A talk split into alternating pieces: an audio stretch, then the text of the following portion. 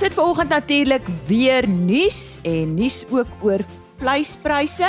Dan loer ons verder saam met Richard Venter op 'n kuilvoer toer en stop in KwaZulu-Natal. Ons vind meer uit oor 'n Sussex produksieveiling daar in die Viljoenskroon omgewing en gesels ook met Daniel Resou van Netbank oor landbou in Suid-Afrika, oor uitdagings, vooruitsigte en vennootskappe.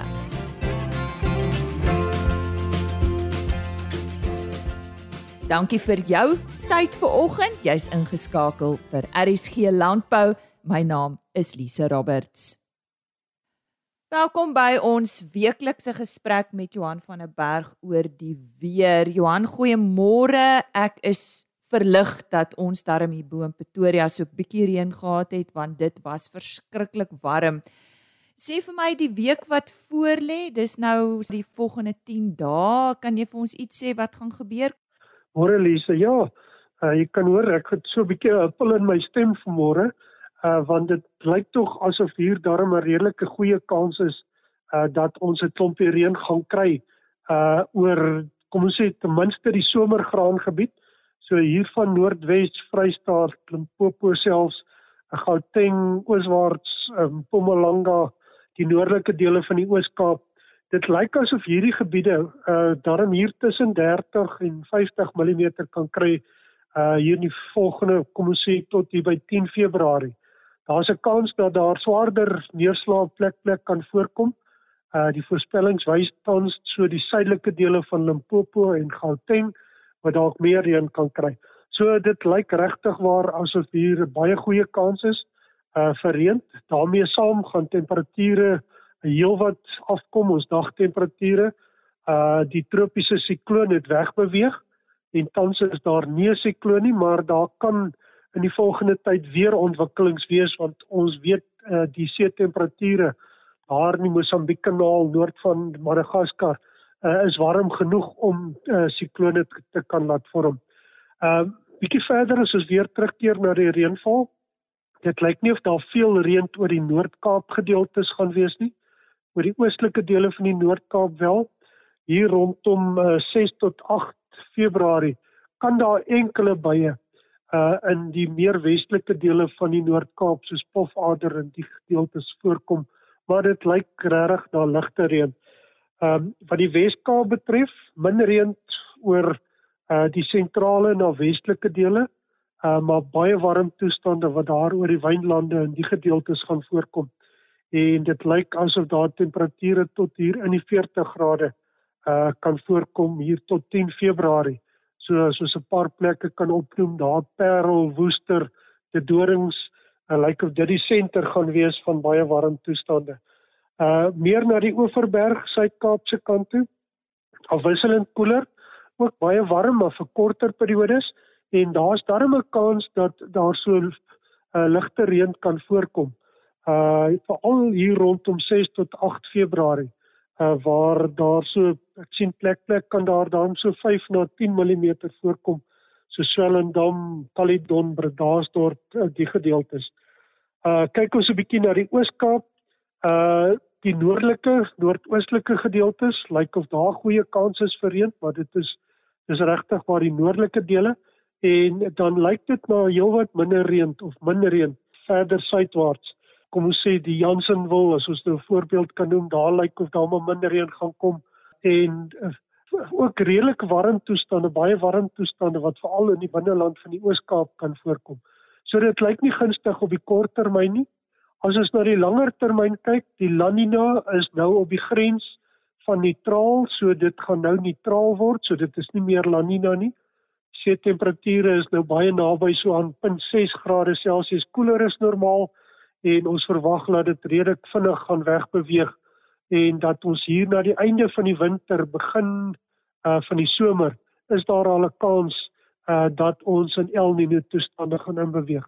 So alhoewel hierdie op die kort termyn die toestande oor die somergraangebied redelik goed lyk uh vir reënval, dan uh, lyk dit hier in die tweede deel van Februarie as dit weer gaan verswak en dat ons al droër toestande hier voor die winter gaan ervaar. So ja, positief op die kort termyn, 'n bietjie negatief oor die langer termyn. Nou ja. Wou nie graag op daai noot afsluit nie, maar nou ja, ons gesels weer volgende week met jou. Baie dankie Johan van der Berg. En nou vind ons meer uit oor die Skietlaagte Farms se Sussex produksieveiling.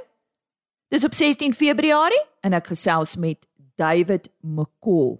Dave, uh, om mee te begin, is jy oorspronklik van die Viljoenskroom omgewing? Alisa, yes. Um, so my family's uh, been farming in Viljoenskroom since 1903. My great grandfather bought his first farm here. Um, I've spent most of my life uh, either in, in KwaZulu Natal um, and in Johannesburg. But uh, in 2009, I acquired uh, the farm Skietlaagte from my family and have really been uh, far more involved in, in the Viljoenskroon area since then. Waarom jou juist die Sussex Day? So I think it's uh, obviously it's been a, a legacy of the, the Evans family, uh, of which I belong. Um, when the first Sussex uh, females and bulls were introduced into into the country, um, so the first thing is it goes back a long way. I think the second thing is it's also a personal preference. Um, you know, everyone likes a certain type of animal, and I think for me, um, we've carried on with Sussex all this time. Uh, having said that, though, we've also on Skietlaagte also had a, a Afrikaner herd um, where we actually crossbred Afrikaners with Sussex. So on Skietlaagte, the commercial herd is in fact an Afrix cross um, herd. I think going forward, we are probably going to go more towards a pure commercial Sussex type of type of herd. And again, that's a personal preference. Um, but having said that, uh, the hybrid vigor has certainly proven well over the over the last couple of decades. And then, just in terms of Sussex themselves, obviously they they've been around a long time. Uh, they actually introduced after the after the Boer War, um, really to try and uh, and introduce some hybrid vigor into the, into the the herds of of South Africa. Um, but they hardy animals, and uh, I think both in uh, the winter months they do well, um, but also in the summer months they they're hardy.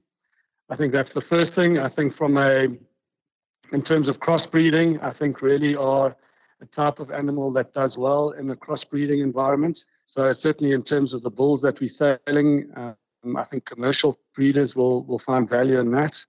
Um, they are, I think, from a from a you know, overall milk production and fertility, and you know the females, I think, for me are are, are, are really good, and uh, certainly in you know, average daily gains and beef production. There's no question that Sussex hold their own in in this country.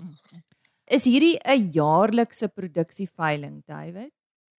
To be honest, um, since 2009, we actually haven't uh, really held um, a full-on production sale on the farm. Uh, we've typically sold on on uh, different uh, sales at the national auction and also at the Hunters Flay auction, which is my cousin's um, in Viljoenskroon. So for a long period of time, we actually haven't had a, an annual production sale, and this is the first uh, production sale, certainly in the last decade that we're actually going to be um, involved with. Yeah. But the intention going forward is certainly for this to become an annual production sale. Good, good. Wat bied julle aan op 16 Februarie?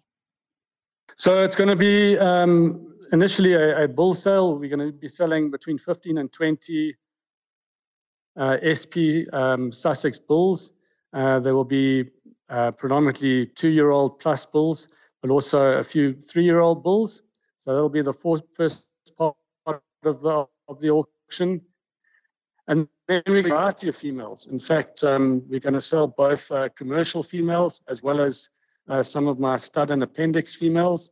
Um, we will be selling uh, three in ones, which effectively is pregnant cows plus calves.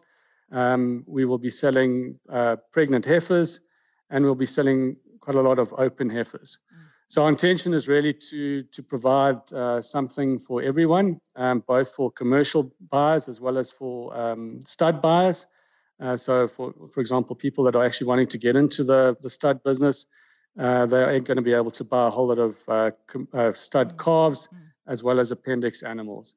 So let's hope that the the variety is, is attracts uh, types of types of birds. Um, but overall, there will be about 200 female animals, and as I said, between 15 and 20 stud bulls. Right. Waar vind hierdie veiling plaas? So the auction itself is going to take place on uh, Thursday, the 16th of February at 11 o'clock um, on the farm Ski Glasgow, which is about 15 kilometers outside of uh, Williamsgreen. Is there an online opsie? There most certainly will be. We are using SwiftView as our preferred uh, supplier of uh, the online auction. Mm. Um, and you'll also be able to go onto the website and, and check out all the details in the mm. catalog going forward. Om jy af te sluit, wie bied dit vir julle aan en is daar mense indien iemand belangstel, wie kan hulle kontak vir meer inligting? So the the auctioneers are going to be placed in trial, so we're working in conjunction with them. So certainly people will be able to go onto the Place in Trial website and uh, pick up all the details. Alternatively, I'm more than happy for people to either WhatsApp me or give me a call on 082 263 0272, or they can email me at david at skitlaughter.co.za, or they can visit our website, www.skitlaughter.co.za. Um, and also, we, we're on Facebook. So there are more than enough options to get hold of us. En so sê David McCall, hy het vandag vertel van die Skietlaagte Farms se Sussex produksieveiling van 16 Februarie. Skietlaagte is daar in die Viljoenskroon omgewing. En vir meer inligting net weer www.skietlaagte.co.za 'n e-posadres david by skietlaagte.co.za en 'n selfoonnommer 082 263 0272. Welkom by ons volgende gesprek met Richard Venter oor kuilvoer en ons is op 'n toer deur die land saam met hom om te gesels uh, oor die verskeie provinsies en die praktyke wat veral daar uitstaan. Ons eerste gesprek was oor die Wes-Kaapse boere meer daarop haver gefokus in die Oos-Kaap verlede week het ons op uh op bale ehm um, ja en hierdie week blykbaar in KwaZulu-Natal is ek reg Richard môre.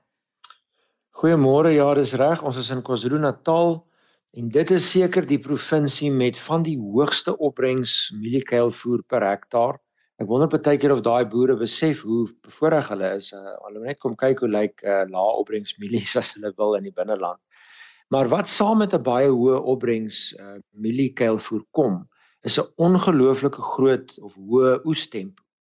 Nou dit is altyd baie lekker as 'n ou groot masjinerie gebruik. Ons het hierdie groot selfaangedrewe uh, kuilvoer kerwers uh om deur daai lande te hardloop. Dit lyk ons nou altyd baie indrukwekkend as 'n ou so 9 meter kop op 'n kerwer het en die waan staan in sulke rye vol vol kuilvoer. Maar dit bring 'n enorme groot uitdaging by die werf om kompaksie te behaal. Wanneer ons daai groot volume skuilvoer op 'n hoop of in 'n banker probeer kompakteer, dan kom jy baie baie gou agter as jy oplet dat dit is te veel om te hanteer in 'n in 'n in in so kort tyd. Dit lei tot 'n klomp uitdagings want ons weet nou al as jy my volg en wat ek skryf en waaroor ons op hierdie ges, uh, program altyd gesels, suurstofverwyderingstempo is die altergrootste ehm uh, uh, behoefte wat kuilvoer het om goeie kuilvoer te word. Sk uh, hoe vinniger ons suurstof kan verwyder, hoe beter.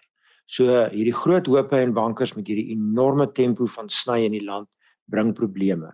Nou ja, hoe gaan ons dit hanteer? Ons kan byvoorbeeld twee hoope of twee bankers te gelyk maak sodat al daai vervoer nie alles op op een slag op dieselfde hoop land nie. Dit beteken natuurlik ons het dubbel die kapasiteit nodig wat betref kompaksietrekkers.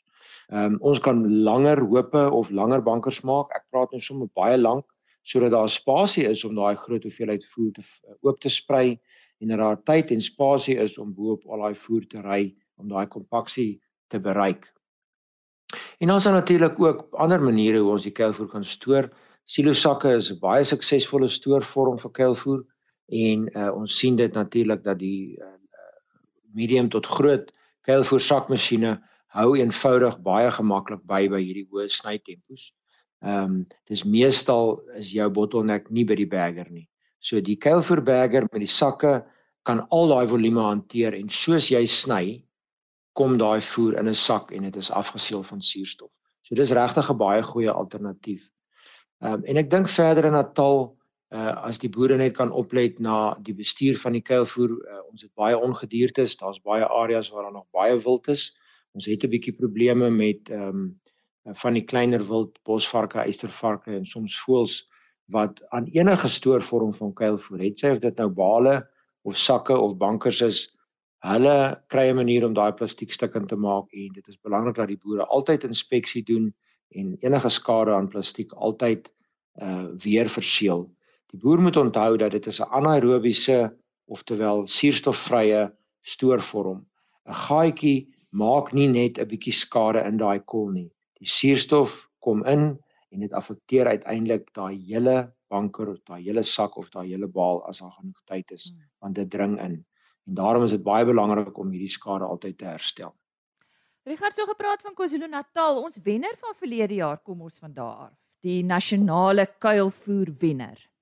Dit is heeltemal reg. Ja, dit ja. is Shane Simpson daar van Kokstad. Ja. Ehm um, hulle het al die kompetisie van tevore ook gewen 3 jaar gelede en wat 'n uitstekende prestasie.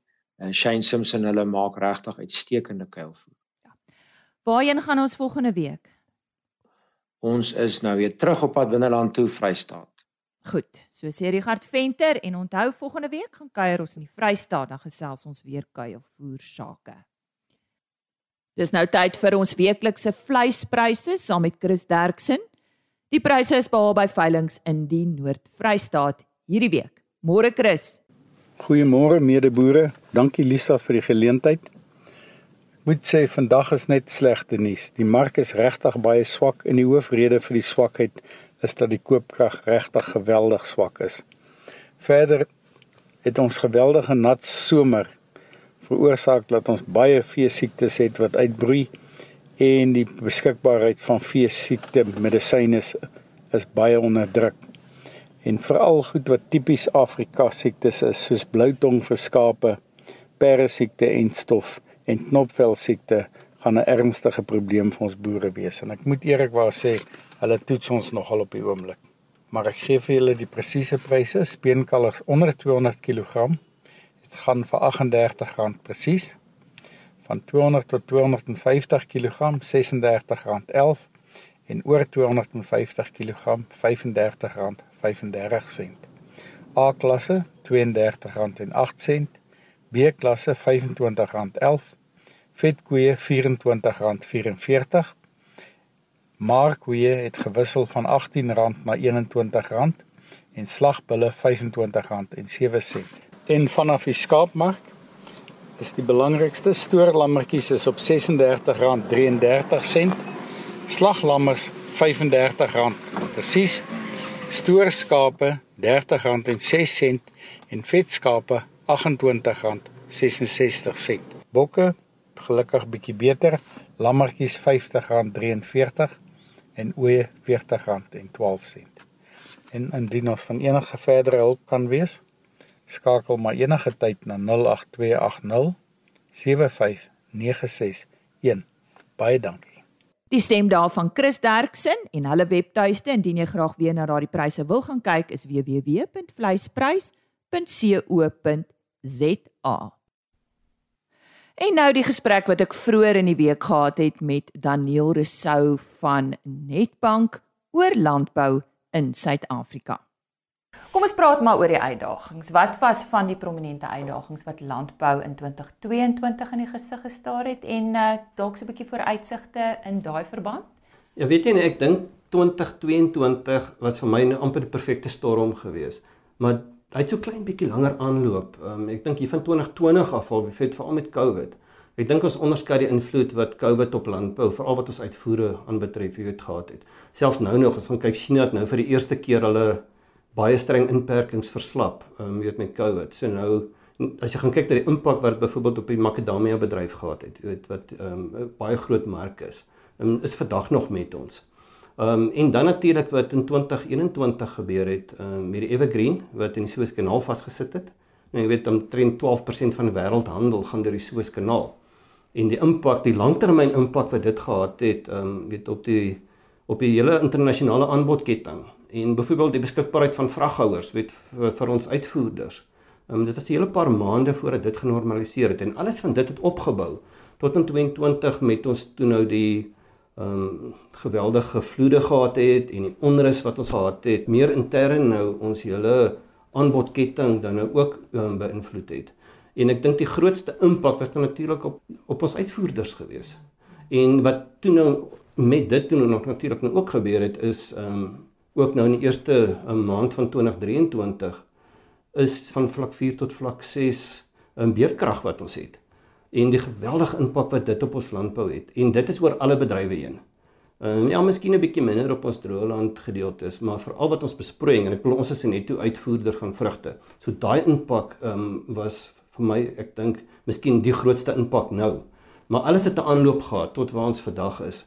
So as ons dan nou gaan kyk na die primêre sektor en selfs dan nou die waardeketting, ehm um, die impak wat dit gehad het op insetkostes, die geweldige hoë stygings wat ons gesien het in in insetkostes en miskien ook op die verkeerde tyd, veral vir ons somer ehm um, graangebiede wat nou net nou geweldige duur oes het. En dan ehm um, weet aan die inkomste kant. Ehm um, daai vertragings wat ons gesien het in die hawens byvoorbeeld, ons wat nie kon uitvoer nie, ons kon nie vraghouers kry nie. So aan die inkomste kant ehm um, het ons dit ook gesien. En dan natuurlik die hele waardeketting. Jy weet as jy nie vrugte kan koelhou nie, dan het jy geweldige probleme. En ek dink um, wat ons miskien ook onderskat is die die impak wat dit het, het op Suid-Afrika se reputasie in die buiteland, weet wat ons uitvoere aanbetref. Maar ek dink jy ons moet net negatief wees hier. As ons gaan kyk na wat miskien na 2023, um, is daar vir my drie goed wat uitstaan. Ek dink wat 'n um, 'n groot impak gaan hê en wat miskien nou ook 'n tendens kan kan wees. Die eerste is weerkrag. Nou beerkrag, ehm um, daar is nie 'n korttermyn oplossing vir beerkrag op hierdie stadium wat landbou aanbetref nie. Nie primêr nie en ook nie sekondêr nie. So ons moet aanvaar dat dit gaan met ons wees en die vraag is hoe goed kan ons dit bestuur? Ehm um, weet daai samewerking, weet ook nou met die regering wat nou redelik ernstig na die tafel toe wil kom. En dan in die tweede plek, grondhervorming. Ehm um, gaan ons definitief. Ek dink daar's hernieude gesprekke oor grondhervorming. Ehm uh, ook ons van die banke se kant af is ehm um, wil bitter graag betrokke raak. So daai gesprekke met die departement van landbou rondom die blended finance scheme, as ek nou die Engels mag gebruik, dit is nog altyd aan die gang en daar's regtig waar baie groot dryf om betrokke te raak ook van die primêre kant af. En dan die derde ding is die uitvoerbedryf. Ehm um, nie teenstaande die uitdagings wat ons gesien het 2021-2022 is daar geweldige aanplantings wat plaasgevind het veral in die in die neutbedryf en dan ook in die sitrusbedryf. En daai vrugte gaan in die volgende jaar of twee in drag kom en ons moet dit kan uitvoer. Ehm um, so dit is eintlik iets om oor opgewonde te raak, maar ons moet ook bewus wees van die uitdagings veral rondom infrastruktuur. Ek dink dit is die drie dinge wat met ons gaan wees en wat landbou gaan beïnvloed in die in die volgende jaar. Kom ons gaan 'n bietjie terug. Die landbou-uitvoermark in 2022. Selfs met ons daaroor. Ja, ons het nou nog nie, ek het nog nie die 4de kwartaal se resultate of uitslae gesien nie. Ehm um, maar ons het nou gepraat oor die uitdagings wat ons gehad het en eintlik het dit uitstekend gegaan met ons ehm um, uitvoerbedryf. Ehm um, as ek reg onthou was die was die waarde van ons uitvoere in die omgewing van 3,6 miljard rand in die derde kwartaal um, van 2022 en dit het ook beteken dat in waardeterme het ons 10% gegroei jaar op jaar. So dit is eintlik iets om oor opgewonde te wees. Ehm um, so as ons bietjie dan in kort miskien net ook kan kyk na ons vernaamste uitvoermarkte. Ehm um, Afrika is interessant genoeg is ons grootste uitvoermark op hierdie stadium. Ek dink so rondom 32% van ons van ons landbouuitvoere gaan Afrika toe. En dan ook interessant is ehm um, Asië, Midde-Ooste, daai gedeelte is nou al 31%. So ehm um, asof ons klein bietjie wegbeweeg van ons tradisionele markte wat byvoorbeeld in Europa is en en, en die Verenigde Koninkryk wat nog steeds groot um, rolspelers is. Maar dit is eintlik verblydend om te sien dat ons ook 'n nuwe markte inbeweeg en ehm um, miskien ook 'n bietjie meer stabiliteit kry dan deur ons markte te kan diversifiseer. So ek dink 2022 was nie so slegte jaar wat uitvoere aanbetref nie. Dit is natuurlik ook gedryf deur hoër produksies en later miskien ook 'n bietjie hoër produktepryse wat ons gesien het. Hierdie uitdagings waarvan ons waaroor ons gesels het om dit nou te oorkom het julle vennootskappe begin of gestig of gevorm. Vertel ons daarvan. Ja, en ek het nou net genoem dat um, met ons praat van uitdagings, maar uitdagings gee ook vir ons geleenthede. En vir my is die toekoms rondom vennootskappe. Het sy dit tussen die produsent en sy sy uitvoerder is of jy weet sy insetverskaffer um, of sy bankier is. Ehm um, so ek dink daai dit is wat ook gebeur het die laaste paar jaar het vennootskappe al hoe belangriker geword. Ehm um, ook vir ons as as finansierders. Nou Netbank is groen. Ehm um, so ek gaan bietjie miskien 'n bietjie meer fokus dan op hernubare energie en wat ons probeer doen rondom hierdie hierdie uitdagings wat ons het.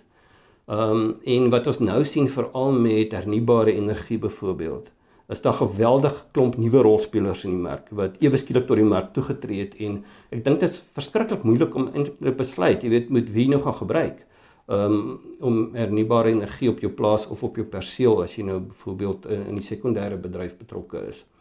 Ehm um, so Netbank het in die laaste jaar en dis nog 'n loodsfase wat ons het uh, met 'n maatskappy wat betrokke is by hernubare energie wat advies gee vir boere So ek gaan nie op hierdie stadium te veel sê rondom dit nie. Dit is 'n loodsfase. So kyk uit daarvoor. Ek dink binne die volgende maand of 2 behoort ons genoeg inligting te kan hê om weet in die regte rigting te stuur ook dan wat ons kliënte aanbetref.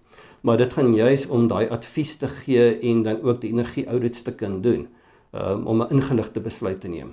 So miskien net op daai punt, jy weet, um, net so 'n bietjie raad. Gesels met soveel mense as wat jy kan gesels as jy belangstel om dit te kan doen. Ehm um, jy moet jou huiswerk doen want daar is net te veel rolspelers op die mark op hierdie stadium. So mens moet begin kyk na selfs met ander mense wat dit reeds gedoen het. Presies, ja. Ja. En ek dink dan die tweede gedeelte wat miskien saamgaan met dit is meer aan die besproeiingskant. Ehm um, nou dit gaan ook natuurlik nou saam met beerdkrag, maar ehm um, ons het ook nou 'n vennootskap gesluit met 'n besproeiingsmaatskappy Ehm um, en dit is ook nog half in die weet in die in die ehm um, kindersfases. Ek wil nou nie weet te veel rondom dit noem, weet wat nou name en so aan betref nie. Ehm um, maar wat jy's gaan kyk oor hoe gaan ons byvoorbeeld ehm um, weet spulpunte, ehm um, lae druk spulpunte ehm um, wat baie meer presisie boerdery vir ons kan gee. Ehm um, hoe ons dit ehm um, kan finansier byvoorbeeld. Ehm um, en dan ook van die kundigheid van die besproeiingsmaatskappy ehm um, te kan gebruik maak um, tot voordeel van nie net ons kliënte nie, maar ook dan weet van enige produsent wat sou belangstel um, om van die produk gebruik te maak en weet dan ook te um, te finansier. So dit gaan saam met om daai kundigheid te kry, maar ook om te kyk na spesifieke finansieringsopsies wat beskikbaar is om dit so maklik as moontlik te maak om te belê in hierdie nuwe tegnologieë. En so gesels Daniel Resou, hy is funksionele hoof van landbou by Netbank. Dis tyd om te groet en ook tyd om te sê totsiens tot volgende week. Ek is maandagooggend weer op my pos met nog landbou nuus. Ek het hierdie week Dinsdagoggend berig oor veranderings by Graan SA en hulle struktuur. Ons gesels maandagooggend verder met Graan SA onder meer met Corneil Lou oor saadtegnologie veral van toepassing op ons koringprodusente in die wintergraangebiede. En dan praat ons ook met Helene Viljoen van Graan SA oor insetkoste en ons gaan kuier by 'n boer, Jaco Janse van Rensburg. Hy het 'n passie vir die boran. Hy's daar in die Oos-Kaap. RSG.co.za, daar is die volledige program beskikbaar as potgooi. agriorbit.com, daar kan jy die onderhoude kry en 'n e-posadres rsglandbou@plaasmedia.co.za wens jou 'n uh, eh, sterkte toe met die res van die week wat oorbly en 'n rustige naweek. Totsiens. RSG Landbou is 'n plaas media produksie met regisseur en aanbieder Lize Roberts en tegniese ondersteuning deur Jolande Rooi.